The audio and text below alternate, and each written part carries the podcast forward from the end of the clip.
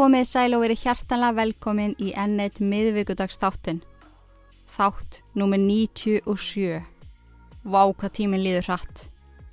En við erum hérna í betni frá Leanbody stúdíóinu. Svo er ég eitthvað svo ekstra fersk í dag því að ég tók æfingu í morgun. Bara svona létta heimaæfingu. Ég fekk mér nýja príverkátið frá CNP sem heitir Rainbow Nerds og það smakkast alveg eins og Nerds nammið.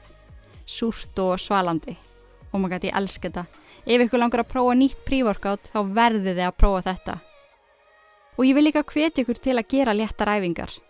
Hvort það er heima, úti eða í rektinni. Vákamanni líður fáránlega vel eftir það.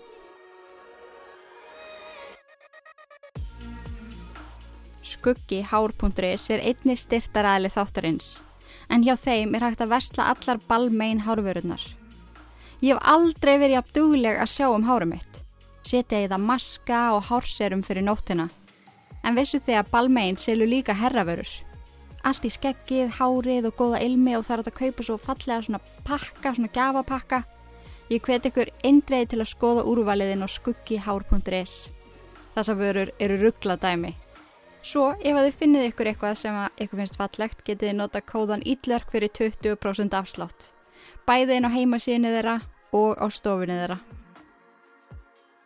En svo langaðum við líka að minna ykkur á eitt. Smá random kannski. En eins og við höfum farið yfir hérna saman þá er blöss.ri styrtaræðileg þáttarins líka. Mér langaði að taka fram hversu fárulega mikilvægt það er að þrýfa tækin ykkar og ekki nota vennjulega handsápu. Ég átti nefnilega spjall við ónemda vinkonu mína sem að saði mér að tæki hennar hafi eigðilagst eftir hún notaði uppþóttalög til að þrýfa það. I wonder why. Guð mig góður. Verslið ykkur sérstakka kynlífstækja sápu sem er líka bakteríu eigðandi. Þetta er ángurins hræ ódýrst og með kóðunum ítlverk er það ennþá ódýrara. Ég varð að fá að hendi sinn smá svona tips í bóðu mín. en ok, þátturinn. Ég finn mig knúna til þess að vara við honum. Ég er að fara að tala um frekar erfiða hluti og ég vissum að mörg ekkar meika ekki heyra það sem ég er að fara að tala um. En það deyr barn í þættunum. Ef að þið meiki ekki þannig mál held ég að þið ættu að beila á þessum þætti. En málið er ótrúlegt. Eila allt við það er mjög ótrúlegt. Ég veit ekki hversu oft ég gafti á meðan ég var að skrifa handritið. En þið, masokistarnir, sem eru nákvæmlega eins og ég, að kapna úr forvetni, ég varaði ykkur allan að við. Ég heiti Inga Kristjáns og þeir eru að hlusta á Ítverk podcast. Þáttur 97. Hvarfið á Matti Clifton. Gjöru þið svo vel.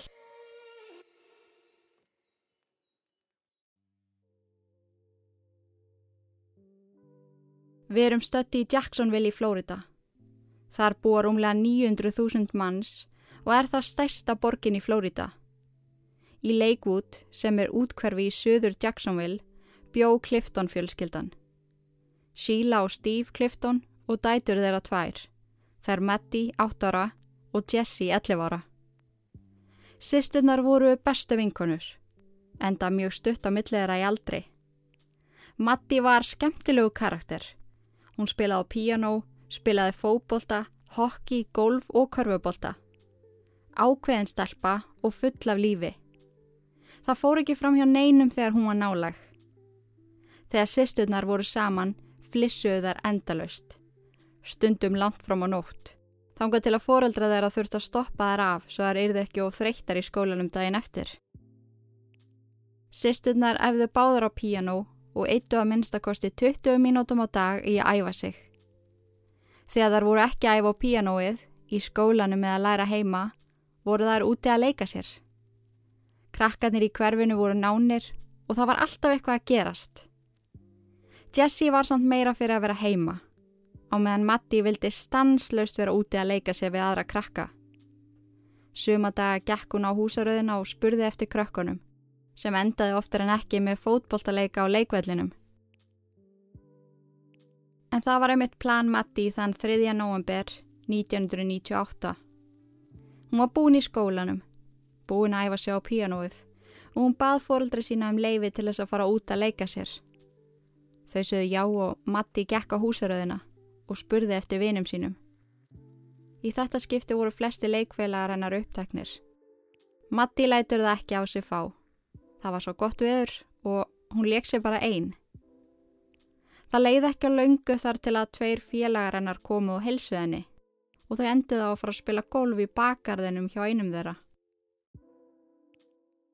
Eftir smá tíma af golfi voru kúlurnar alla tindar. Matti vissi að hún ætti fleiri kúlur heima. Sæðist alltaf hlaupa og sækja þér og koma svo aftur. En hún kom aldrei tilbaka. Vinir hennar spáðu ekkit allt og mikið í því. Klukkan var orðið margt. Kanski mátt hún ekki fara aftur út því að það var komin kvöldmatur. En fjölskylda hennar hafði heldur ekkert síðana og heldu að hún væri enþá út að leika sér. Um það leiti sem að kvöldmaturum var tilbúin bað Síla, eldri dóttu sína Jessie, að skjótast út og sækja sýstu sína. Eitthvað sem hún hefði margóft gert áður. Jessie náði í hjóli sitt og hjólaði niður götuna að leikvellinum, þar sem hún fann Matti vanalega. En hún var ekki þar. Jessie hjólaði á nokkra aðra staði, þar sem að Matti leik sér stundum, en sá hana hverki. Það voru engir krakkar út að leika sér á þessum tíma svo hún gatt heldur ekki spurt neitt. Hún hjólaði nokkra ringi um nágrannið og kallaði nafn sýstu sinnar. Ekkert svar. Hún flýtti sér aftur heim og sagði fóruldrum sínum að hún fyndi Matti hverki. Síla og Stífen ringdu strax í laurugluna og letu vita að dóttir þeirra væri tínt. Þau skildu kvöldmattin eftir á mataborðinu og fóru út að leita. Síla kallaði nafn Matti eins hátt og hún gatt og fljótlega komu nágrannar kliftan fjölskyldanar út á götu til þess að koma staði hvað var í gangi.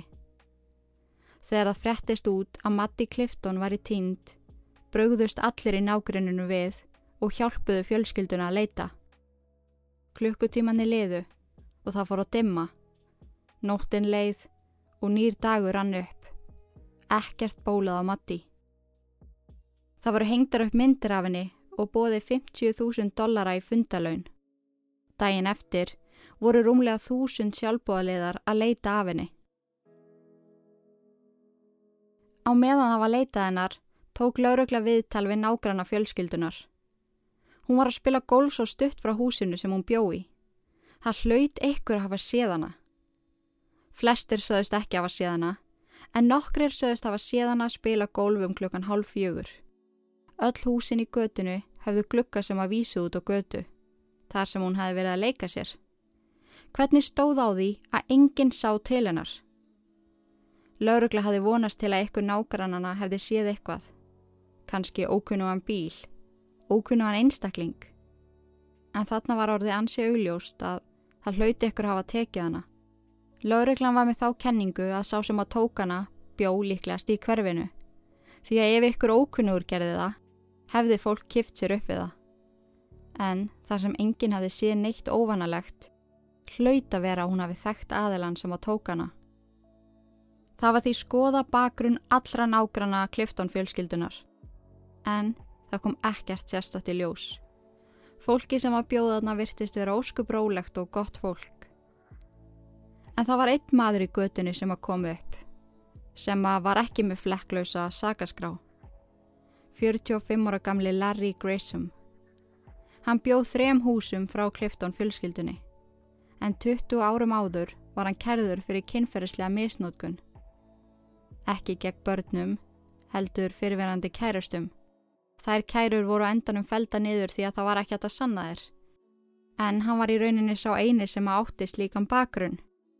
Það er líka erfitt að hunsa þá staðrönd að Larry var einn af þeim síðustu til að sjá Matti og lífi. Hann var sá sem var að spila með henni golf áður en hún hljóp inn til þess að sækja fleiri gólkúlur. Hann var því yfirheyrður um þennan tiltækna dag. Hann saðist ekki af að séðana eftir hún fór og sótti kúlurnar. Aðrir krakkar sem voru úti á sama tíma gáttu staðfest að Larry fór ekki á eftir henni. Ásand nágrunum sem urðu varir við hann úti. Þráttur það að vera með fjárvistasönnun vildi laurugla að hann gengist undir legapróf. Þar sem að hann var spurður Veistu hvað kom fyrir Matti? Hefur þú eitthvað með karvænar að gera? Og hann fjall á legaprófinu.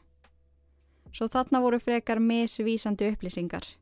Hann var með fjárvestasönnun en fjall á legaprófi.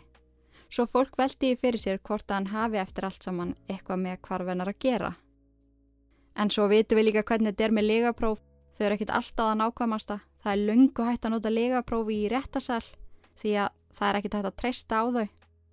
Í kjölfarið af legaprófinu var leita á heimili Larry. Laurugla fór í heldina í nýju skipti og leitað á heimilans. En þeir voru nokkuð vissir um að hann væri svo seki. Hann var bara allt og grunnsalegur.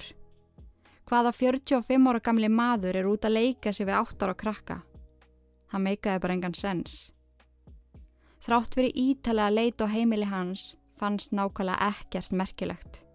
Hann var svo endanum tekin af lista yfir grunaða. Það voru engin haldbær sönnunagögn á mótunum.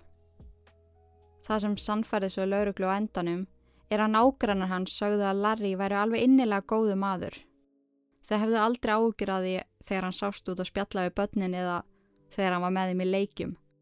Hún var greinilega umhugað um börnin og allir fenguð þetta pappa væp frá honum. En hann átti sjálfur tvö uppkominn börn og var fráskilinn. Svo kannski var hann bara einmanna. En maður skilur samt alveg pælinguna. Það er alveg smá skrítið að vera út að leika með áttur á börnum. Og líka það að hann hafi verið með þeim síðustu til að sjá hana. Maður, maður fattar alveg af hverju hann var svona líklegastur.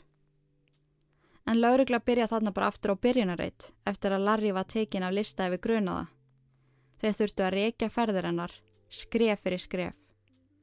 Hún sést úti í gólfu með Larry og öðrum krökkum gólkuluna tínast hún segist eða fleiri heima og ætlar að fara að sækja þær Justin sem var eitt drengjana sem fór að spila gól með Matti og Larry býðst til þess að lappa með henni heim og sækja kúlunar. Þau ganga saman þess að örstuttu leið heim til Matti. Justin býður í andirinu á meðan Matti hleypur upp í herbyggi sitt til að sækja kúlunar. Jessie, sýsti Matti, heilsar þeim en hún satt inn í stofu og var að æfa sig á píanóið. Jessie heyrði í sýstu sinu á efri hæðinni gramsa eftir kúlunum og kalla, ég finn þar ekki Justin beigð alveg í svo litla stund. Þar til að hann sagðist alltaf aftur út. Matti kæmi bara þegar hún var búin að finna kúlurnar.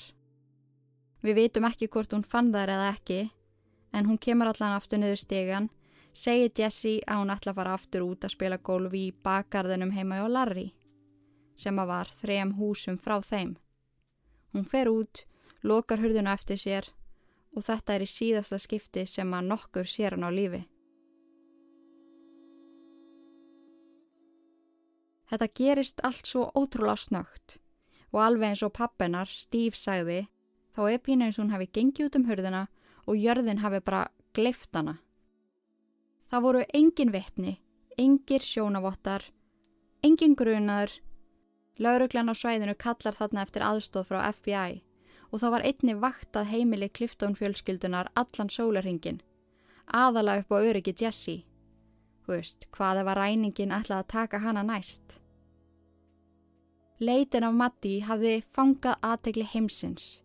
Magn sjálfbúðaliða hafði tvöfaldast, sem að gengu klukkutímum saman á hverjum degi og leituðunar. Þyrillur flugu yfir og leitahundar gengu á samt leitasveitinni.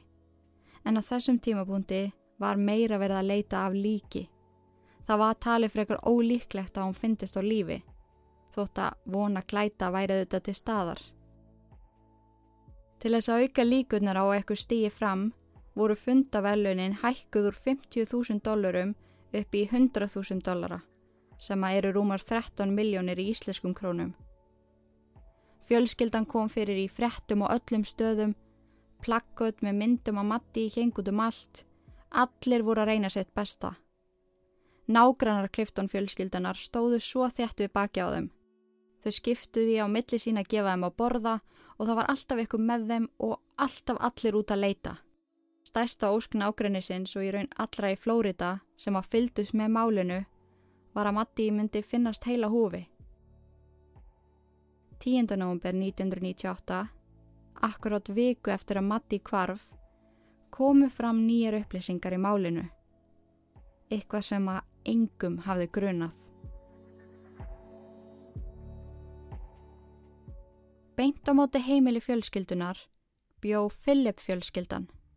Steve og Melissa og 14 ára sonur þeirra Josh. Þessa fjölskyldur þekktust mjög vel, enda bygguðu nokkur um skrefum frá korannari.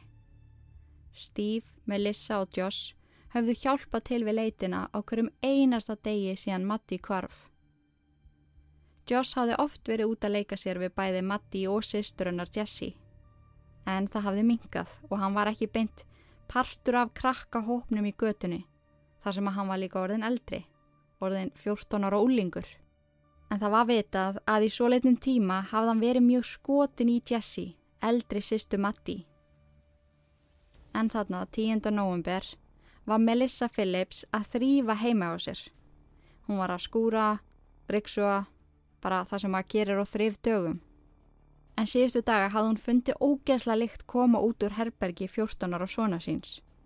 En hann átti það til að ganga um eins og svín. Og ekki hjálpaði til að hann átti þrjá páagauka sem að voru inn í herbygginu hans öllum stundum. Og hann var heldur ekkert sá duglegasti að þrýfa búrið þeirra. En þennan tiltekna dag var lyktinn gjörsamlega óbærileg. Þegar Melissa opnaði hurðin á herbygginu hans gekk hún bara á vegg. Hún gæti ekki hugsa sér að heimilegin að lyktaði svona, svo hún fór og sótti ruslapoka og ætla að taka allt rastlu og þrýfa fugglabúrið.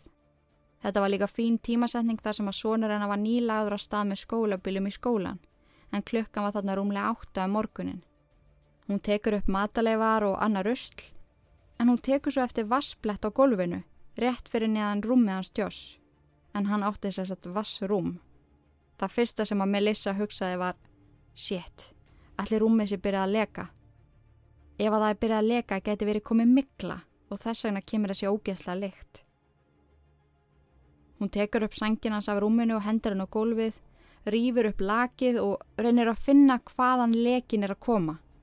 Hún tekur þó eftir því að Joss hafi greinilega reynt að laga lekan sjálfur með yðnaða teipi. Það var búið að teipa ansi þjætt í einu horninu á rúminu. Þegar hún skoða teipi betur, sér hún að einhvern veginn hafða náða að teipa kvítan sokk með sem var fastur hann í teipinu. Hún tógar og tógar en sokkurinn er pekk fastur. Hún rýfur þá bara allt teipið af og reynir að ná sokknum, en hann losnar ekki. Melissa skildi ekki alveg hvað hún var að eiga við. Hvað kom eiginlega fyrir rúmið? Hún liftir þá upp dínunni og tógar hana af rúmbotninum. Hún gæjist í gegnum gatið sem að teipi átt að hilja, en sér ekki neitt. Hún fer þá og segi vasaljós og lýsir ofan í gatið. Það sem hún sér er eitthvað sem að hún hefði aldrei geta búið sig undir. Sjón sem hún mun aldrei geta þurka út um minni sínu. Inn í rúmbotni, 14 ára sonarennar, lág litla stelpan sem að allir hafðu leitað af síðastleina viku. Matti Clifton var fundin.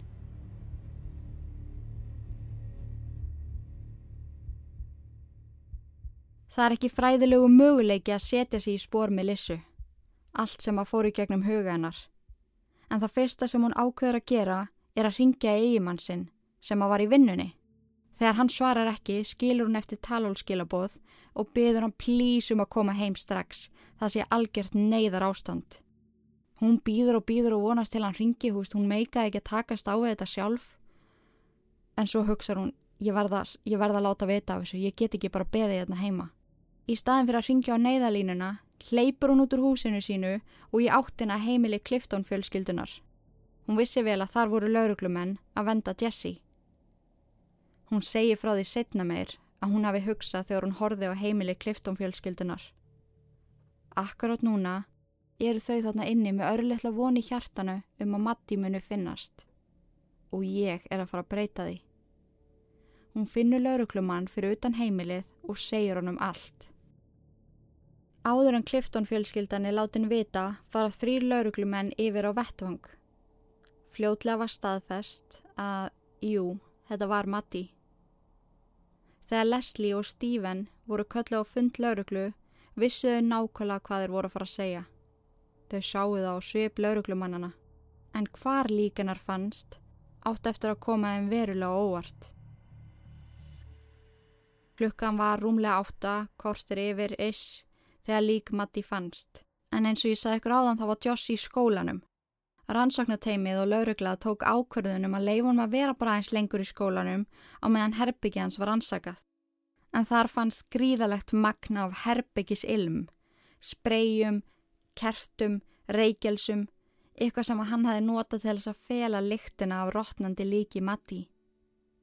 Undir fatakomuðu fannst hafnaboltakilva og bak við sjóarbeðans fannst vasanýfur. Það fundust einni límbansrúlur á þrejum stöðum í herbygginu, sem var sama límbandi og hann hafi notað til þess að líma fyrir gati á vassrúmunu. Inn í fataskáknum hans fundust skór, útataði blóði. Á viftunni í loftinu fundust einnig smáir drópar af blóði. Sem er smá magna að fóruldra hans voru ekki búin að taka eftir, en já, dróparnir voru mjög smáir svolítið eins og spreydrópar. Þegar blóðu á skónum og af viftunni var ansakað kom í ljós að þetta var blóð og matti. En herbyggið segir sögu um hvernig hún var drefin. Það er allavega að vita að það átti sér stað inn í herbygginu og það hefur verið brútal, þar sem að blóð skvettist upp í loft. Það sæði líka mjög mikið um Joss sjálfan að það fannst líka mynd af plakatinu af Matti á skáknum hans, Missing Person plakatið. Það er eitthvað svo skrítið að hugsa til þess á meðan hann hafi klift þessa mynd út úr blaðinu, lág hún dáin inn í rúmin hans og hann svaf á þessu rúmi í heila viku vitandi að hún væri inn í því. Hann var 14 ára gamall. Þetta er ekkit eðlilega förðulegt dæmi. Plús það þá hafði hann tekið virkan þátt í leitinni. Hann hjálpaði við að líma upp þessa myndir. Hann reyndi mér þess að hugga Jessie, sýstur Matti. Það sem að fannst svo límt aftan á höfugablin á rúmin hans vakti upp enn meiri viðbjóð. Það var eitthvað hræðilega mikið að þessum dreng. Og í rauninni átti þetta sem að fannst aftan á gablinum eftir að breyta öllu málinu. Allir áttu eftir að horfa á það á annan hátt. Möguleg ástæða fyrir því af hverju þetta gerðist allt saman en aftan á höfugablinum hafði hann limt mynd af Jessie, eldri sýstu Matti, sem að hann var skotin í. Þegar Stephen og Leslie voru spurð út í þessa mynd, göftu þau, en þau hafðu leitað af henni út um allt. En þessi mynd hafði horfið af heimilið þeirra. Stephen og Leslie hafðu bannað dætrun sínum að honga með Josh, en hann hafði sérstaklega sagt þeim frá kynferðislegum hlutum og sagt þeim óviðegandi brandara um kynlíf. Fóruldrum stelpnana fannst þetta ekki viðegandi og fannst óþægilegt að þessi úlingspiltur var að segja stelpunum 8 og 11 ára slíka hluti, svo að þeim var bannað að hitta hann.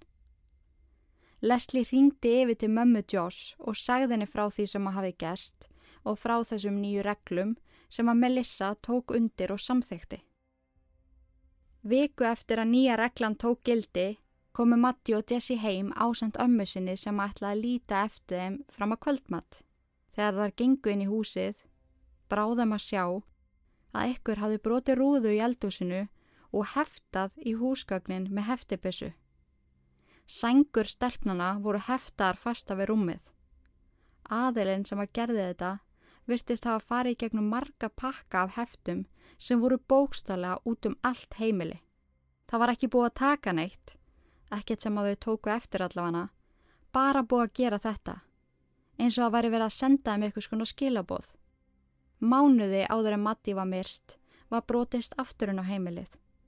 Í þetta skipti voru stelpunar ekki heima. Leslie og Stephen sátu nýri stofu þegar þau heyrðu hljóð koma frá efrihæðinni. Þegar þau fara upp stegan heyraðu skrítin hljóð koma innan úr herbyggi Jessie, eldri dóttu þeirra. Þegar þau opna stendur Josh Phillips þar inni.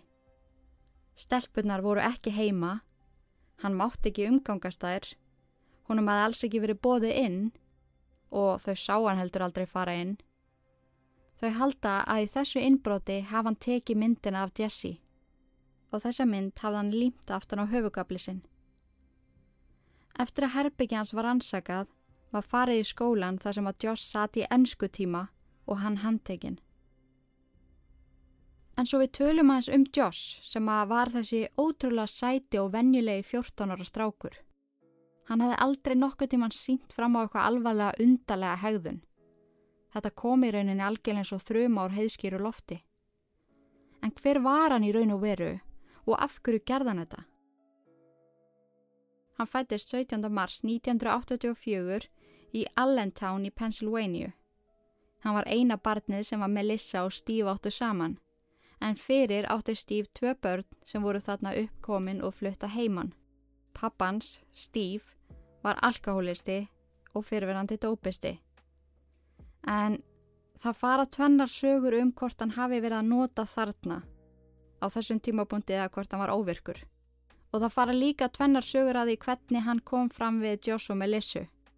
En það er sérstaklega þannig að sumstaða kemur fram að fyrra hjónaband hans hafi ekki gengið því að hann hafi verið óbeldisnegður og átt erfitt með skapið sitt. En svo kemur líka fram sumstaðar að hann hafi verið þannig við Melissa og Josh. Svo les maður aðra greinar þar sem að kemur fram að Melissa og Steve hafi verið frábæri fóreldrar. En það kemur samt fram aftur og aftur að Josh hafi verið rosalega hrættur við að gera mistök. Steve var mjög strangur við hann. Hann mátti til dæmis ekki fá vini heim ef hann og Melissa voru ekki heima og hann mátti heldur ekki fara neitt út. Og af því að Josh var svo hrættu að gera mistök, átt hann það til að ljúa, félagsannleikan og mistökin sem hann gerði. Til dæmis ef hann brauti eitthvað, þá gerði hann allt svo að pappi sinn kemist ekki að því. Josh var í skátunum, átti hellinga vinum og gekk vel í skólanum. Hann var bara ótrúlega vennilegur, hann að leita út fyrir að vera það.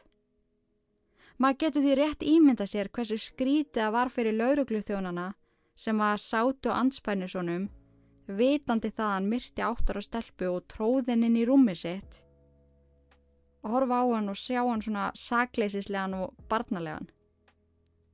Joss viðukendi strax hvað hann hafi gert og hann þuldi upp atbyrðar á sinna áður en hann var beðin um það. En sangvænt honum gerðist þetta svona. Matti kom og banka á hörðina heima hjá honum. Hún spurði hvort að hann vildi koma út að leika. Hann sagði nei því hann mátti ekki fara út eða hafa gesti þegar fóruldra hans voru ekki heima. Á þessum tímapunkti voru fóruldra hans í vinnunni. Matti segir þá bara ok og hveður hann. Húnum leittist svo mikið svo hann breytti um skoðun. Hljópa eftir Matti og spurði hann hvort hún vildi leika í bakarðunum hans og hún var til í það. Þau fóru saman þanga til þess að spila hafnabólta. Hún kastaði bóltanum og Joss reyndi að hitta e, bóltan með hafnabóltakilfu. Það var allt í góðu og rosa gaman hjá þeim þar til að Matti fær bóltan beint í augað. Oh, og svona bóltar þeir eru svo harðir. Það eru örgulega viðbjóðslega vond að fá þetta í augað en það fyrir hann að blæða úr henni og hún fyrir að há gráta. Joss segist að það var panikað. Hann vissi að hann mátti ekki leika við á meðan fóreldra hans voru ekki heima Hann vissi að fóröldra Matti voru búin að banna henn að leika við hann og núna hafði hann óvart meitt hana. Hann var svo hrættur um að lendi í vandraðum. Fóröldra hans voru bráðum að fara að koma heim og hann varði að drífa sig að gera eitthvað í þessu. Líka svo að nágræna þeirra myndi ekki heyra í henni gráta. Hann dregur hana inn til sín og upp í herbyggi sitt. Hann reynir að þakka niður í henni með að segja henn að þeia, halda fyrir munnin á henni en hún greiðt bara herra því að núna var hún orðin hrætt við hann líka. Hann vissi ekki hvað hann átt að gera, svo hann sækir hafnaboltakilfuna og lemi Matti tviðsvar í höfuðu til að þakka niður í henni. Hann ítir henni svo undir rúm. Í því kemur pappan seim. Josh fer út, lokar herbygginu eftir sér og fer niður að hilsa pappa sínum, eins og ekkert hafi í skorist. En þessi saga hans er ekki alveg að make a sense. Það var nefnilega margt sem að stóðst ekki þegar að koma krupningu og sjónavótum. Láregla setti fram aðra, líklæri kenningu sem að passaði betur við allt sem að hafði nú þegar komið fram. Í fyrsta lagi þá passaði það ekki að hún hafi fengið boltan í augað. Það voru vissulega áverkar á höfðin á henni en ekki í kringum augað á henni. Það kom líka fram í krupningu að Matti hafi verið kyrst með snúru í rúmlega 15 mínútur.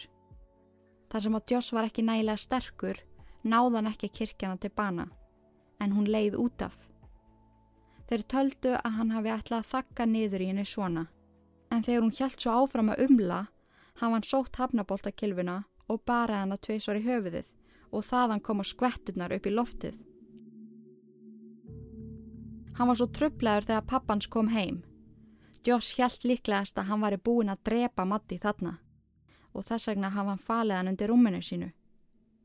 Þegar hann kemur aftur inn í svefnherbyggi sitt eftir að hafa heilsa pappa sínum heyra hann Matti aftur umlað undir rúminu. Meða við áverkana sem hún hafi hlotið þarna hefði hún á endanum dáið út af blæðingum inn á heila en það hefði verið mjög hægfara og sársökafullt ferli. Joss hugsa þarna með sér að hann verði að gera eitthvað. Hann getur ekki haldið henni þarna lifandi. Svo hann sækir nýfin sinn og stingur hana í hálsin og magan elli við sinnum í heldina. En þarna var hann nokkuð vissum að hún væri dáin. Þá kemur hann henni fyrir inn í botninum á rúminu og teipar svo fyrir. Þegar lík Matti fannst var hún nakin. Hún var í ból sem hafi verið tógaður upp að háls og hvítum sokkum. En þráttur það fundust engin ummerki um að hún hefði verið kynferðislega misnótuð, þótt að við vitum það auðvitað ekki 100%. Því betur sem að Joss var ansakaður því líklæra fannst lauruglu að hvaðin hafi verið kynferðislegur.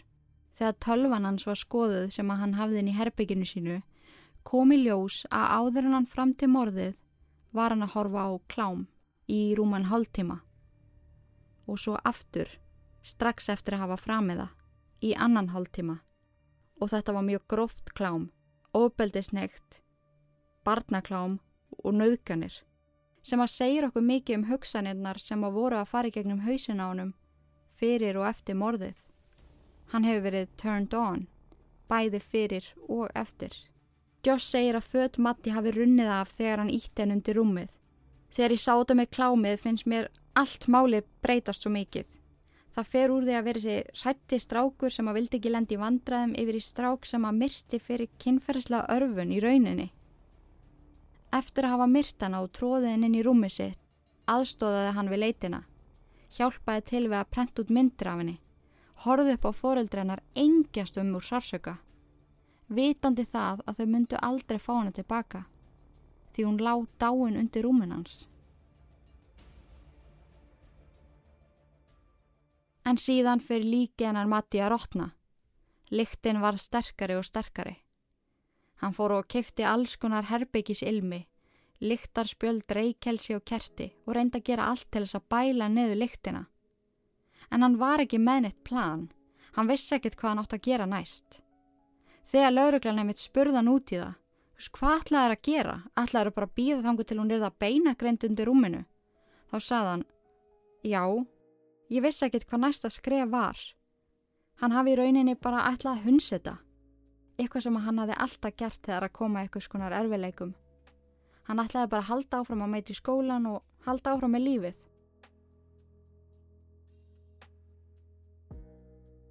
En svo kemur upp þriðja kenningin hvað kom í raun og veru fyrir þennan dag. Og þetta er kenningin sem að fjölskyldan hennar Matti trúir. Og það eru haldbærar sannanir fyrir því að þessi kenning sé sönn. En í fyrsta lagi þá var Matti mjög góð stelpa og ótrúlega hlýðin. Fóruldrænar voru búin að banna henn að tala við Joss. Af hverju ætti hún þá að fara og banka upp á hjónum og spurja hvort hann vilji leika? Fóruldrænar sögðu að þeim finnist það mjög ólíklegt Hún hefði aldrei gert það. Í öðru lagi þá var bakarðu Joss ekki beint hannaður fyrir útileiki en sundlög fjölskyldunar tók eiginlega allt plási í garðinum. Það var pingu lítill grasblettur sem að þau hefðu mögulega geta leikið sér á en fjarlæðin á milliðra hefði verið maks tvö skref.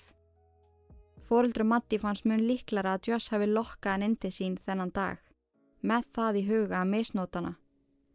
Hann hafi hort á klámið og komist í gýr séðana út á vappinu og lokka hann inn til sín. Þegar Matti var komin inn í herbyggið hans, hafði hann tekið hann úr fötunum. Hún hafi öskrað og panikað og þá hafði hann í raun ákveðið að drepa hana. Því að hann vissi ef að hún kemi stundan og segði fóröldru sínum, væri hann í djúpum skít. Þegar hann fekk svo ekki út úr þessu þar sem hann vildi, kláraði hann sig af með því að horfa á meira klám. Með allar þessa sannanir gegn honum var Josh kærður fyrir morðið á Matti Clifton. Það var ákveðið að dæman sem fullarinn mann þráttur að vera bara 14 ára. Glæpurum var það alvarlegur og hræðilegur. Það tók langan tíma fyrir réttahöldin yfir honum að byrja og það var út af því hversu stort máli var. Það voru allir að fylgjast með því. Það þekktu það allir. Og þegar það eru fundnir einstaklingar í kviðdóm verða þeir að sverja að vita ekkert um málið. Kviðdómur þarf að vera algjörlega hlutlaus. Það var því ansi erfitt að fá fólkinn sem vissi ekkert um hvað máli snýrist. Það þurftu endanum að fá fólk úr öðru fylki til að sita kviðdóm. Ári eftir hann myrti Matti fekk hann lífstíðadóm án tækifæris á reynslelaust. Á þessum tíma hafði enginn heyrt um slíkan dóm. 14 ára barni fangjálsa eilífu en dómari segir þetta nöðsilegt og aðal ástæðan fyrir því að hann fekk svona þungan dóm var því að hann hafði svo mörg tækifæri til þess að hætta við. Hjálp henni. Ef hann hefði hent bolta í hana óvart þá þurfti hann ekki að þakka niður í henni með að kirkjana. Þegar hann heyrði hana umla hefði hann ekki þurft að myrða hana.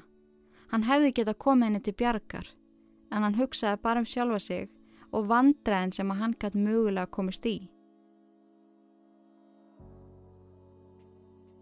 Barnasálfræðingar sem að unnu með honum segja hann hafi verið heldtekinn af Jesse. Hann hugsaði stanslust um hana, hann að hann væri ástfangin og var reyður yfir því að meiga ekki umgangast hana. Þannan dag ímynda hann sér að Matti væri Jesse þegar hann reynda misnótana kynferðislega. Þegar hann horfið á klámið hugsaði hann um Jesse og þegar hann náði ekki að klára sig af og endaði á að myrða Matti hugsaði hann um Jesse þegar hann horfið á klámið í setnaskiptið. Joss segir einni frá því viðtali við sálfræðing að fadur hans hafi gerst hann að þeim manni sem hann var þarna. Hann hafi kent honum á ofbeldisnegð hegðun væri lægi. Hann var alltaf hrættu við að pappi sinn myndi refsónum, svo honum fannst betra að láta eins og mistökin sem hann gerði hefðu aldrei gerst. Hann hafði svo oft hort upp á pappa sinn öskra á mömmu sína og hrindinni. Þótt að mamman sem væri besta kona í heimi kom pappans alltaf illa fram við hana. Í fangelsi var og er Joss talin vera fyrirmynda fangi. Hann haga sig vel, fyrir eftir öllum reglum, tóku upp bútatrú og hefur mentað sig helling. Fjölskylda hans hefur staðið þjættu baki á hann um allan tíman og þau eru á þeirri skoðun að dómurinn sem hann fjekk var allt og þungur fyrir 14 ára gamlan dreng sem að var valla byrjar á kynþráskaskeiðinu. Og Joss er sammála því. Hann hefur unni mikið í sér andlega og reynir að nýta hvert dag í góða hluti. Þroskinn sem hann er búin að taka út er svo mikill. Það að alast upp í fangelsi sé klárlega the hard way. Hann hefur tvisa sinum beðið um tækifæra á reynslilöst. Síðast 2018 en það er eitthvað sem allir fangar eiga rétt á að gera eftir ákveðin tíma. Í réttasal lesa hann upp bref til fjölskyldu Matti og við skulum heyra þetta bref með hans eigin orðum. This is for the, the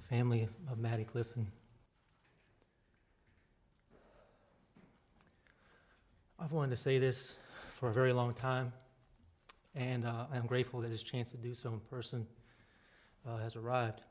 Uh, I don't pretend to know or understand your pain or to grasp the void that I've created in your lives.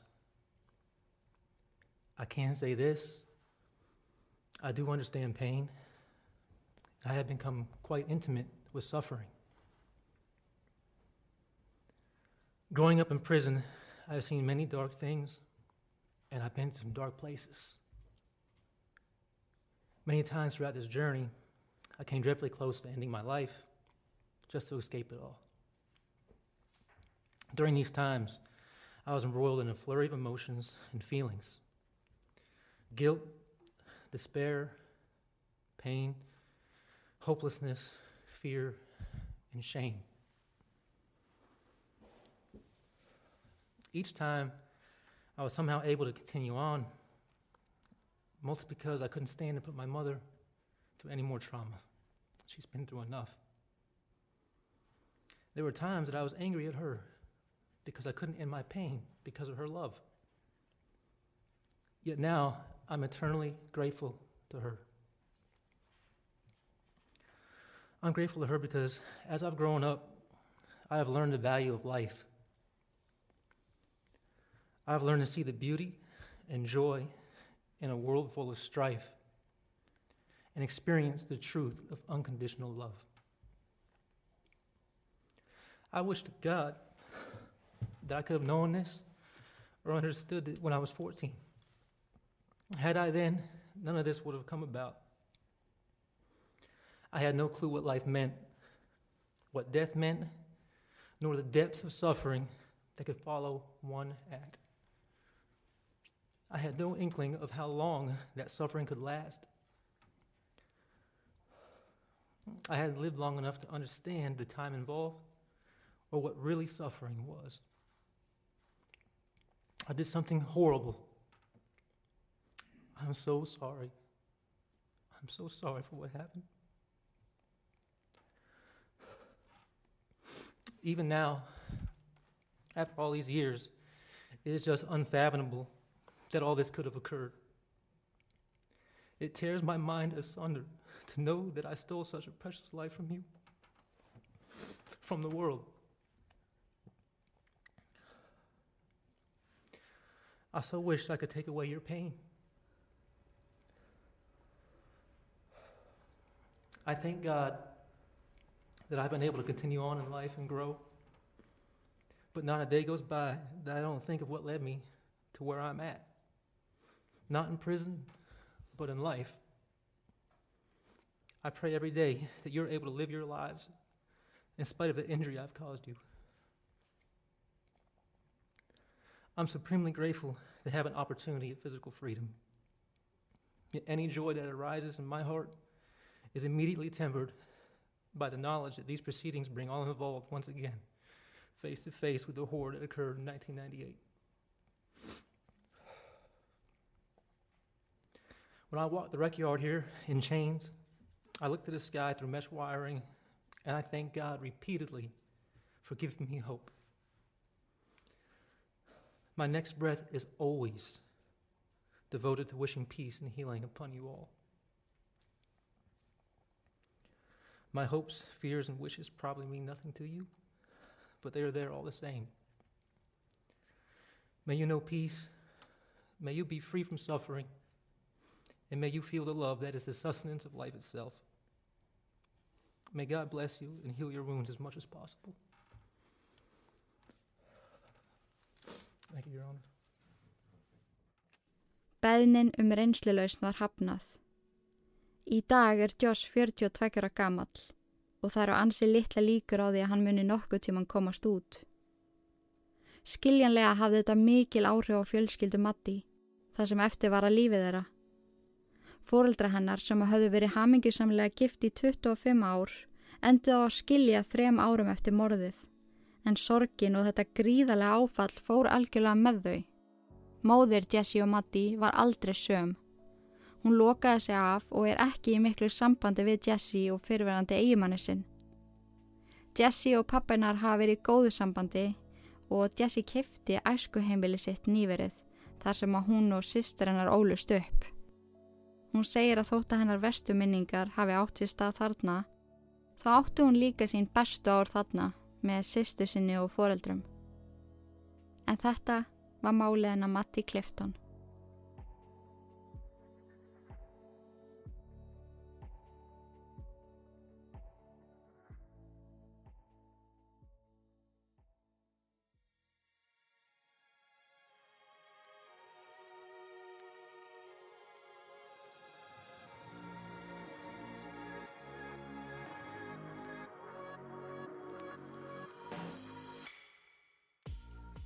Áður í hveð ykkur vil ég hvet ykkur til að læka lokuðu ítverksíðuna á Facebook.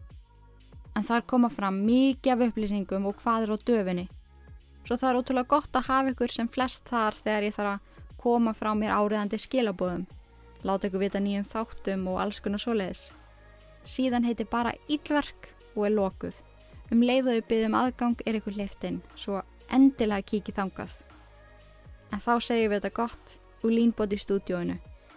Takk ykkur kærlega fyrir að hlusta, takk fyrir að vera til og í guðana bænum forðist öll ítverk, nema þetta podcast. Verið sæl.